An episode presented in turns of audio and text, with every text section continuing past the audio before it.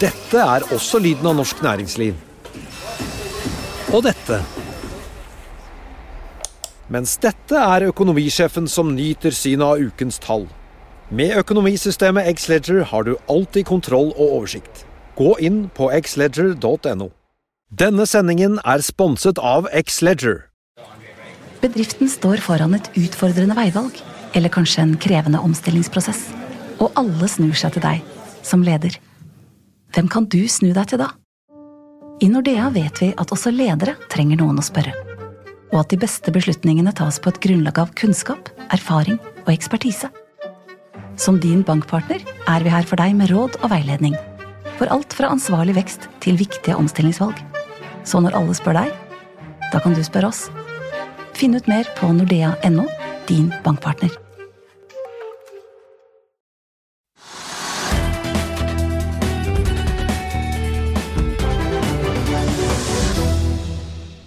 Velkommen til Økonominyhetene i dag, onsdag. Vi skal innom Oslo Børs, Europa og USA. Begynner her hjemme med noen hovedpunkter. Cadler, som la frem årsresultatet i går og steg på at det guidet høyere inntektsvekst, oppjusteres av Sparebank1 Markets i dag til 50 kroner per aksje. Det verdsetter selskapet til nær 6 milliarder kroner. Aksjen stiger 3,3 i dag. Kepler Chevrolet tar opp dekning på Aker Offshore Vind med kjøpsanbefaling og kursmål på 16 kroner. Det tilsvarer en oppside på 128 Aksjen er opp 7% akkurat nå. Nordic Credit Rating har tildelt Kongsberg Gruppen en langsiktig førstegangsutstederrating på A- med stabile utsikter. Det gjenspeiler at Kongsberg Gruppen har en ledende posisjon i nisjemarkeder, sterk kontantposisjon, kontantstrøm og samt lav giring, mener kredittbyrået. Kongsberg Gruppen beveger seg marginale 1,5 Peter Hermanrud, eh, Sparebank1 Markets sin aksjestrateg, er ute og stokker om i porteføljen og har nå ni aksjer han anbefaler, og seks han shorter. Blant kjøpskandidatene finner vi Salaris, Elkem, Sats, Bank Norwegian og Lerøy, for å nevne noen, og på short har han bl.a. XXL og Sats. Oslo Børs, ser, Oslo Børs ser rødt i dag, Trygve. Vi er nå ned 0,6% Det må bety at markedet her hjemme ikke bryr seg noen ting om Erna Solbergs gjenåpningsplan. Ja, Det vet jeg ikke. Eh, det vi vet, er at oljeprisen er da veldig flat ligger mellom 62 og 63 dollar per fat. Brent oljen. Og så kan du si at Erna Solberg påvirker markedet. Altså, det kunne gjort det faktisk. Altså, hvis det kommer veldig store endringer som skadet næringslivet eller skadet reiselivsnæringen. Men alt er så langt nede at det kan liksom ikke skade mer. Men hun kom med en plan. Altså, jeg har en plan, som uh, en kjent uh, barnehelt sa. Egon. Han har en plan. Han har en plan. Men uh, Det var ikke alltid han lykkes. men Eh, men, en liten eh, Olsenbande-referanse der til å begynne med? men, men, men, hun har en plan. For det går ut på at Istedenfor å gi oss faste datoer for liksom når det skal skje, og det skal skje, og det skal skje, så har hun da delt inn fremtiden i sånn fire forskjellige puljer. og Så skal man ta en pulje av gangen, skal man se hvordan det går. slipper opp, altså man, for, for eksempel skal man først slippe opp det som da ble strammet inn i i mars. Som da liksom alt så veldig mørkt ut. Så, så strammet man til, og så skal man da kanskje slippe opp litt av det igjen, det som er verst i slutten av mars. Og det er den innstramningen som kom rett før påskeferien? Ja, og, og, så, så der kom det en innstramning som man var nervøs og Det var en ny bølge av, av smitter. Uh, og Så skal man kanskje gjøre noe med det. og Så skal man se hvordan det går i løpet av to-tre uker. og Hvis det går den riktige veien, så tar man neste trinn. Sånn skal man arbeide seg mot av mai-juni, og kanskje komme frem til slutten av mai eller, mai eller juni. Hvor man kanskje skal få lov å reise igjen da etter eget ønske. altså da da snakker man helt om nødvendig reise. altså Unødvendig reise skal man ikke drive med. Mens nødvendig kan man drive med. altså Hva som er unødvendig, hva som er nødvendig, er noe ordentlig tull. Sannsynligvis vanskelig å definere, og det er litt uklart for mange. Men i alle fall så skal man ta trinn for trinn fremover. Så vil man ikke si da liksom en dato da, 1. mai eller 1. juni, så skal du få lov å reise til Tyskland eller du skal få lov å besøke hytta di i Sverige eller noe sånt. Skal se hvordan det går, se om smitteutviklingen innlegges på sykehus, uh, altså alle de tallene de snakker om. Og nå snakker jo da uh, Folkehelseinstituttet og regjeringen snakker da nå om da om fakta. Data, data fremfor dato. ja, ikke dato fremfor dato. Og det er et riktig resonnement, sannsynligvis. At man da skal se hvordan det går, og så skal man da utvikle seg videre. Det er masse usikkerhet, og mange hadde håpet å få en klar melding om at liksom fra 1. mai eller 1. juni eller 15. juni eller 1. juli så vil det bli lov å reise eller gjøre ting igjen, eller få lov å åpne butikken. eller man vet ikke, vet, Så man vet egentlig veldig lite. Men det er jo en veldig tretthet blant nordmenn av disse nedstengelsene og innstrammingene. Vi så jo på Debatten på NRK i går, så har vi jo underdødelighet i Norge akkurat nå. ja, det har vel aldri Det døde like mange mennesker i mars 2019 eh, som i mars 2020, og, ja. og vi nærmer oss omtrent like få eller mange i det, men det et mars 2021. Det er klart at folk er trøtt av det. Altså, hvis du eier en, bo, en bokhandel, da eller en klesforretning så vil du gjerne komme i gang og selge igjen. Du, du tar ikke penger, for de støtter staten til å dekke faste utgifter. Det er masse, Og de som driver hotell på Vestlandet, de fikk ikke noe beskjed om at det, nå kan man åpne opp for utlendinger, si at hotellene kan fylles fra slutten av mai eller begynnelsen av juni. Ingen beskjed om det. Og sånn er det, og Vi kan ikke åpne treningssentrene ennå. Vi vet ingenting. Mens andre land, i Danmark og i Storbritannia, så har de liksom satt klare dato for at de skal gjøre sånn og sånn. og sånn, Fordi at smittetilfellene går, går, så dramatisk ned. Fordi at stadig flere blir vaksinert. og Det er det vesentlige. De blir stadig flere vaksinert, og da blir det færre som blir, for da blir, for smitte, og færre som da på en måte lagt inn på sykehus, og færre som dør. Og så åpner de vel for at vaksinerte turister kan få komme på besøk i landet. Der er vi ikke enda i Norge. Nei, det er, det er liksom litt komplisert, men altså, egentlig så er vi der fordi at vi skal følge EU. Og EU arbeider mot et sånt uh, vaksinepass. Og Hvis det kommer, så vil Norge måtte være med. Da er vi med liksom, på samme måte som vi har kjøpt felles inn vaksine. Så vil de også være med på dette passet. Og Hvis da EU bestemmer det at liksom fra ta tall da, fra 1.6 så kan alle inn i EU, som inkluderer Norge som er medlem av EØS, så vil de kunne reise fritt inn i dette her. Man kan ikke reise fritt i Dubai, man kan ikke reise fritt i Thailand, men innenfor det EU kan man reise fritt, og da må Norge være med. Så, så, det er ganske spennende. Jeg vil tippe at EU her kommer før på banen enn Norge. Ja, og Det som vi i hvert fall kan være sikre på, er at det vil bli jo veldig urettferdig da, for de som ikke er vaksinert innen den datoen. Det, det er jævlig tull nei, det er jævlig tull de som sier at det er diskriminering og urettferdig for de som ikke er med. Altså, hvis man på en måte, Alle de som ikke har fått lov å gjøre noen ting, hvis da man nå åpner opp for at de skal få lov å reise eller gjøre et eller annet fordi de har et vaksinepass at det ikke er fare. De har liksom tatt sine tester, de har vært smittet før, er blitt friske, er blitt immune. Hvis da de ikke skal få lov til å gå et eller annet sted fordi man da ikke har gitt vaksine til alle barn eller ungdom eller etter en annen gruppe, det høres jo bare tullete ut, altså. Det har jeg ikke noe forståelse for i det hele tatt. Men man kunne jo tro, da, hvis det skulle bli så positivt, altså best case scenario her, da, at vi er da gjenåpnet innen slutten av juni, så skulle man jo tro at kanskje flyaksjen hadde fått litt fart på seg i dag, Trygve. Men det er helt motsatt utvikling på den sektoren der. Ja, men de var så veldig opp i går og foregårs, da. Så det har jeg ikke sett på i dag, faktisk. Men altså, reiselivsnæringsaksjer har fått et, unnskyld meg, et kraftig løft. Pga. det at man ser at det åpnes opp i mange land. Og det kom jo etter at, åpnet, etter at flyaksjen gikk rett opp i USA, så åpnet opp man mer i Storbritannia, man åpnet opp mer i Danmark. Så jeg har ikke sett på kursen her. Hvis det er litt ned, så er det kanskje en reaksjon ja, på det har vært veldig mye opp. da. Norwegian faller 6,5 ja, ja, det, ja, ja, SAS faller 7 og... Ja, ja, ja, tenker, ja okay. men altså, det er riktig. De to norske, Norwegian og SAS, er ned rundt 7% Det er mye. Så der er det ikke noe, men jeg tenkte på de internasjonale flyselskapene, at de har vært opp veldig, ganske kraftig opp. da. Ja, Det er jo ikke lett å drive luftfart i Norge. Det blir ikke noe lettere når det gjenåpnes heller, tror jeg. For så mange aktører på banen samtidig har vi vel nei, aldri nei, hatt? Nei, altså det er helt umulig, for det er jo så mange flyselskaper, og de skal ta det lille markedet som er igjen. Og per dato så er, er sannsynligvis flytrafikken ned rundt 90% Det er 10% av det var tidligere som da flyr, og det er ingenting. Så det at hvis man da skal ha SAS og, SAS og Norwegian og Flyr, det nye selskapet, og Wizz og Widerøe så er det så mange som kommer til å kjempe om de få strekningene som er, at det, det, kommer aldri til å gå bra. Flyr har jo hatt en rekke kjendisinvestorer på eiersiden. Mange av dem har jo ute aksjen for lengst. Men Carnegie anbefaler kjøp av aksjen i dag med kurs opp på 7,6 kroner. Det tilsvarer en oppside på 30% Trygve? Det er helt umulig å si. De har ikke fly engang. De har ikke en flyvere, de har ikke noen kabinansatte. så det, vet, Vi vet ingenting om hvordan pris, altså prisstrukturen blir da, når de skal fly, fly mot Norwegian, fly mot SAS.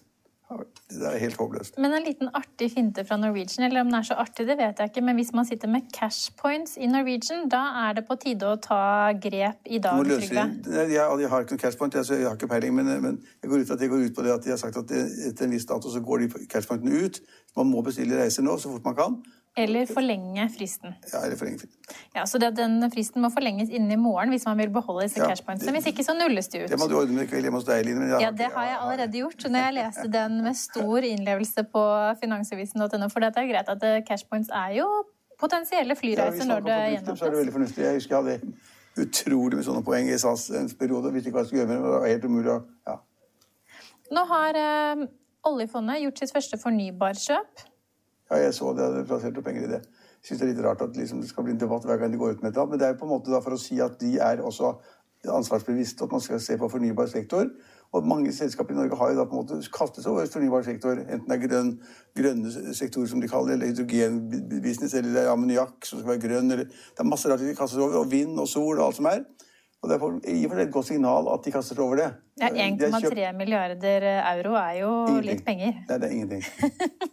Fondet, fondet, fondet består av 11 000 milliarder kroner eller. Det er ingenting. Nei, men det blir i hvert fall plassert i en vindpark i Nederland, eh, som de da kjøper seg inn i 50 Ja, jeg så det. eierandel.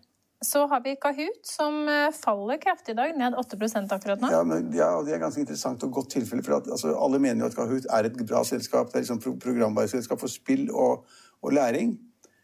Og, og alle mener at ledelsen er veldig god. Det er han sannsynligvis også. øh, han òg. Og, øh, og noen har spådd at selskapet skulle liksom tidoble verdiene i løpet av få år.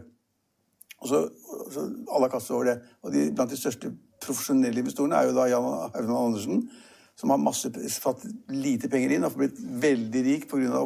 kursoppgangen. Kursen gikk i 137 kroner for et par måneder siden. 137, Ja, Da hadde vel han 6 milliarder i ja, Kahoot. ja, men altså bare den gikk til 137, og nå i dag så har den vært omsatt for 93 kroner. Det er et kjempefall på rundt 40 eller hva det er. Eh, Og eh, grovt sett så tror jeg man kan regne slik at hvis man bruker Jan Herman Andersen som modell, da, så hver gang aksjen forandrer seg liksom 20 kroner, så mister han 1 milliard. Så han har siden da ti- ikke realiserte, men, men en gevinst som han hadde på papiret, så har han mistet 2 milliarder av de, eller 3 milliarder nå eller sånn nå. Og det er ingen bra utvikling at Kahoot har falt fra 137 til 93 kroner. Det er ingen god utvikling, for at selskapet er, har en verdi på 40 eller 41 milliarder kroner, og de har nesten ikke overskudd. De har økte omsetningen i første kvartal ganske bra. Eh, Så det er interesse for å 195% økning, da. ja, men det er interesse for å bruke da systemene de har, og spillene de har, og læreprosessen de har. Eh, Og det er bra. Men det har ikke kommet noen tall om inntjeningen ennå. Og opp til å kunne forsvare en verdi på 40 milliarder, det er kjempelangt frem. Det er kjempespekulativt, og det er sånn spekulativ tech-aksje. Så har markedet da tenkt at liksom dette ble for mye, og så har de solgt ut litt. Grann. Og, og nedgangen er stor. Jeg vil tippe at den fortsetter. for at Når folk begynner å bli nervøse, så tar de frem alle de, og det er titusener som har da en teoretisk god papirgevinst. De lurer nå på om skal vi ta, liksom, sikre noe av den gevinsten, og så se hva som skjer etterpå. Eller skal vi sikre hele gevinsten og selge alt? Så det er press på den aksjen nå.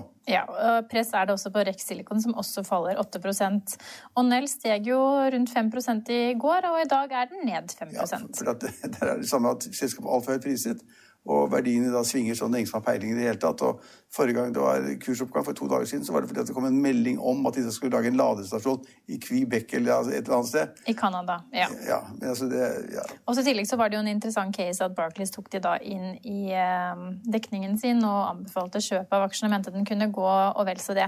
Men så har vi det, det som er mitt poeng er at disse selskapene kan jo gå både 5 og 10 på en dag. Men poenget er at utgangspunktet er at de er veldig veldig høyt priset. Så skal, det er litt skummelt. ikke sant? Plutselig så faller de til 20 30 Det er ikke slik at de er lavt priset, og så har man da en svinger i liksom en 1, 2 eller 3% eller ja, Det er skumle ting når man får disse tech-aksjene som har da kjempehøy prising. Og liksom price eh, earnings multiple på 100 eller 200 eller 300 eller sånn, som kanskje burde være 20 eller 15 eller 12. Så, så, så det, er litt, det er litt komplisert å passe på, og så er det skummelt fordi prisingen er klart for høy. Nell er et godt eksempel. De liksom da, kanskje har de det gode hydrogenproduktet, som da er CO2-fritt. og. Kanskje har de det, kanskje har de det ikke. men men, men, eh, men, og Derfor svinger det veldig, og derfor er det helt umulig å råde også.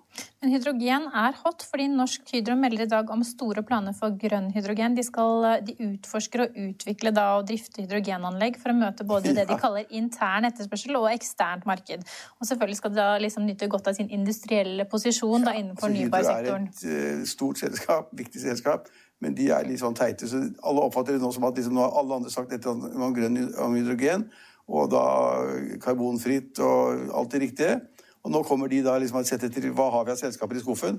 Så kommer de og sier liksom, skal vi også være grønne, nå skal vi også satse på hydrogen. Og kanskje gjør de det, kanskje er de flinke også, men det virker litt sånn etterpå alle de andre. Det er, eh, Jeg så for øvrig at apropos eh, altså, eh, sønnen til Kjell Inge Røkke i hans annet ekteskap, 16 år, han har kjøpt aksjer i Aker Horizon for 190 000 kroner. Sånn, det er søtt, altså. Det er søtt. Men han må jo Kanskje, han, nei, men kanskje han sitter ved middagsbordet og diskutert med faren sin, og kanskje hørt på andre snakke, og så kan ikke jeg også være med der, for at halvbroren hans er jo da konsernsjef i Horizon, som Aker Horizon, som er det selskapet som de legger da, det er en paraply hvor man legger da en rekke av de mindre selskapene som vil satse på innen fornybar energi. Kanskje sitte til middagsbordet, så har Kjell Inge sagt at det der kommer til å bli kjempebra. Og så har han sagt til halvbroren sin pappa, kan ikke jeg sette noen penger der, så gjør de det. Det er ikke noen millioner, da, så det er 90 000 kroner. ja. Ja. Men han er jo ikke så gammel heller, Nei, han er 16 år. Så, ja. Nei, nei, men det er mange flinke folk som har begynt når de er 16 år. Ja. Kapitalen vant jo Kapitals børskonkurranse da han var 14 eller 15 eller 16. Ja. Så, sånn han startet. Og siden det så har han vært på forsiden av Finansvisen og vel så det nesten hver dag de siste tre ukene. altså. Nei, det er ikke det. Nei, men hvis du kjøper Norges uh, nest dyreste hytte på Nordfjell, så kommer du på forsiden i Finansavisen. Det er helt sikkert. Ja, og hvis du selger deg ut, og det er litt upopulært blant andre aksjonærer og diverse andre finting Nei, ja, ja, for finans, også, så kommer det også på forsiden Ja, men av mitt poeng er at han har vært flink før han begynte å studere. studere. Da var liksom interessert i aksjer og deltok da i Kapitals eh, børs- børs-NM. og ble nummer én eller to. Når du nevner eh, Skal vi bare ta med oss Når du nevner Spetalen, så har vi dette selskapet Explora, som er jo da et eh, teknologiselskap som driver med smartklokker. For Ja. Har du en sånn smartklokke, Nei, ikke sånn smartklokke. Jeg burde kanskje hatt det, men det er faktisk ganske pussig. For det, altså, det, det selskapet er sikkert smart. De altså, selger masse klokker, de er billige. Eh, Og jeg, da mine barn var små Nå er ikke de små lenger, nå er de 25 og 27. Eh, Men da de var små, så tenkte jeg at man burde egentlig lage en klokke. Som var sånn, slik at liksom det var varslet hvis de ble bortført eller falt utfor et stup si, eller falt i vann eller hva som helst. Da tenkte jeg jeg burde lage sånn klokke. Men jeg var ikke klokkemann, jeg er ikke ingeniør, jeg er heller ikke teknisk. Men da tenkte jeg faktisk på at sånn klokke burde finnes. Så hvis det er det markedet har kommet med nå, en billig, enkel klokke hvor man på en måte kan følge barna Så hvis de liksom ikke kommer hjem, så liksom kan man finne ut der er de. På samme måte som man vet på bil eller til iPhone eller hvor man er hele tiden. Så hvis man kunne ha en klokke for det formålet, så er det kjempebra. Jeg tror de selger ganske mye. Ja, de solgte 60 000 barneklokker, altså barnesmartklokker, i første kvartal, og hadde en økning på 150% Og der er Spetalen der også? Ja. Ja, Det er imponerende. ja i hvert fall Hans barn er iallfall mye eldre enn at de skal ha sånn smartklokke for å finne ut hvor de er. Ja, det er de nok. Og vi snakket jo om Polite i går, eh, også et tekstselskap som eh, faller litt tilbake i dag. Hadde jo en voldsom oppgang i går, men de melder om en ny ordre på sin webkameralinse. En- Riktignok ikke en sånn kjempeordre, men på en halv million. Og, og det skjer ting i Polite. Verken du eller jeg har noen peiling på det produktet egentlig. Vi vet bare at det er noen linsegreier. Og, da, så, og hvis de skal selge melding til børsen hver gang de kommer med en selger et annet, det er litt skummelt. For det er som det er noen som sender melding til børsen for å liksom gi et lite puff i aksjen, og det er jeg ikke så veldig glad for. Nei. Er det noe vi har glemt da, kan du si? Nei, altså de, se på de røkkeselskapene, for i og med at du snakket om de grønne aksjene, så er det noen som har pluss og noen som har minus. Det er ikke noen store endringer i dag. Jo, kanskje ett. Eh, Aker Karbon. Carbon capture? Nei, i dag er det, i dag er det, karbo, i dag er det Aker Havvind som gjelder. Ja. Den er opp 6-7 for det har kommet en, god, en, en anbefaling fra et meglerfirma som at den kommer til å gå kjempe, det skal gå fra 7 kroner til 16 kroner. Ja. Det Og det var nok til å få aksjen ganske kraftig opp. ja. Og hvis du vil sikre deg Nøtterøy og Tønsbergs mest påkostede og flotteste hyttebeliggenhet ved Færder, da må du ut med 69 millioner, og mer om det kan du lese på finansavisen.no. Vår sending er tilbake i morgen. Følg med oss igjen da.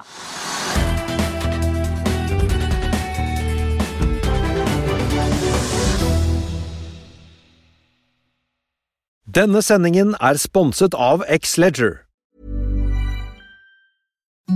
Imagine the softest sheets you've ever felt. Now imagine them getting even softer over time. That's what you'll feel with Bowl and Branch's organic cotton sheets. In a recent customer survey, 96% replied that Bowl and Branch sheets get softer with every wash. Start getting your best night's sleep in these sheets that get softer and softer for years to come. Try their sheets with a 30-night guarantee. Plus, get 15% off your first order at bowlandbranch.com. Code BUTTERY. Exclusions apply. See site for details. ACAST powers the world's best podcasts. Here's a show that we recommend. Hi, I'm Jesse Cruikshank. Jesse Cruikshank. I host the number one comedy podcast called Phone a Friend. Girl, let's phone a friend. Not only do I break down the biggest stories in pop culture with guests like Dan Levy and members of InSync, I do it with my own personal boy band singing jingles throughout because it's my show. It's your show, girl. New episodes of Phone a Friend Yeah. drop Thursdays wherever you get your podcasts. So work it, girl. Yeah, work it. Okay, that's enough. ACAST helps creators launch, grow, and monetize their podcasts everywhere. ACAST.com. Økonominyhetene er en podkast fra Finansavisen. Programledere er Marius Lorentzen, Stein Ove Haugen og Benedikte Storm Bamvik. Produsenter er Lars Brenden Skram og Bashar Johar. Og ansvarlig redaktør er Trygve Hegnar.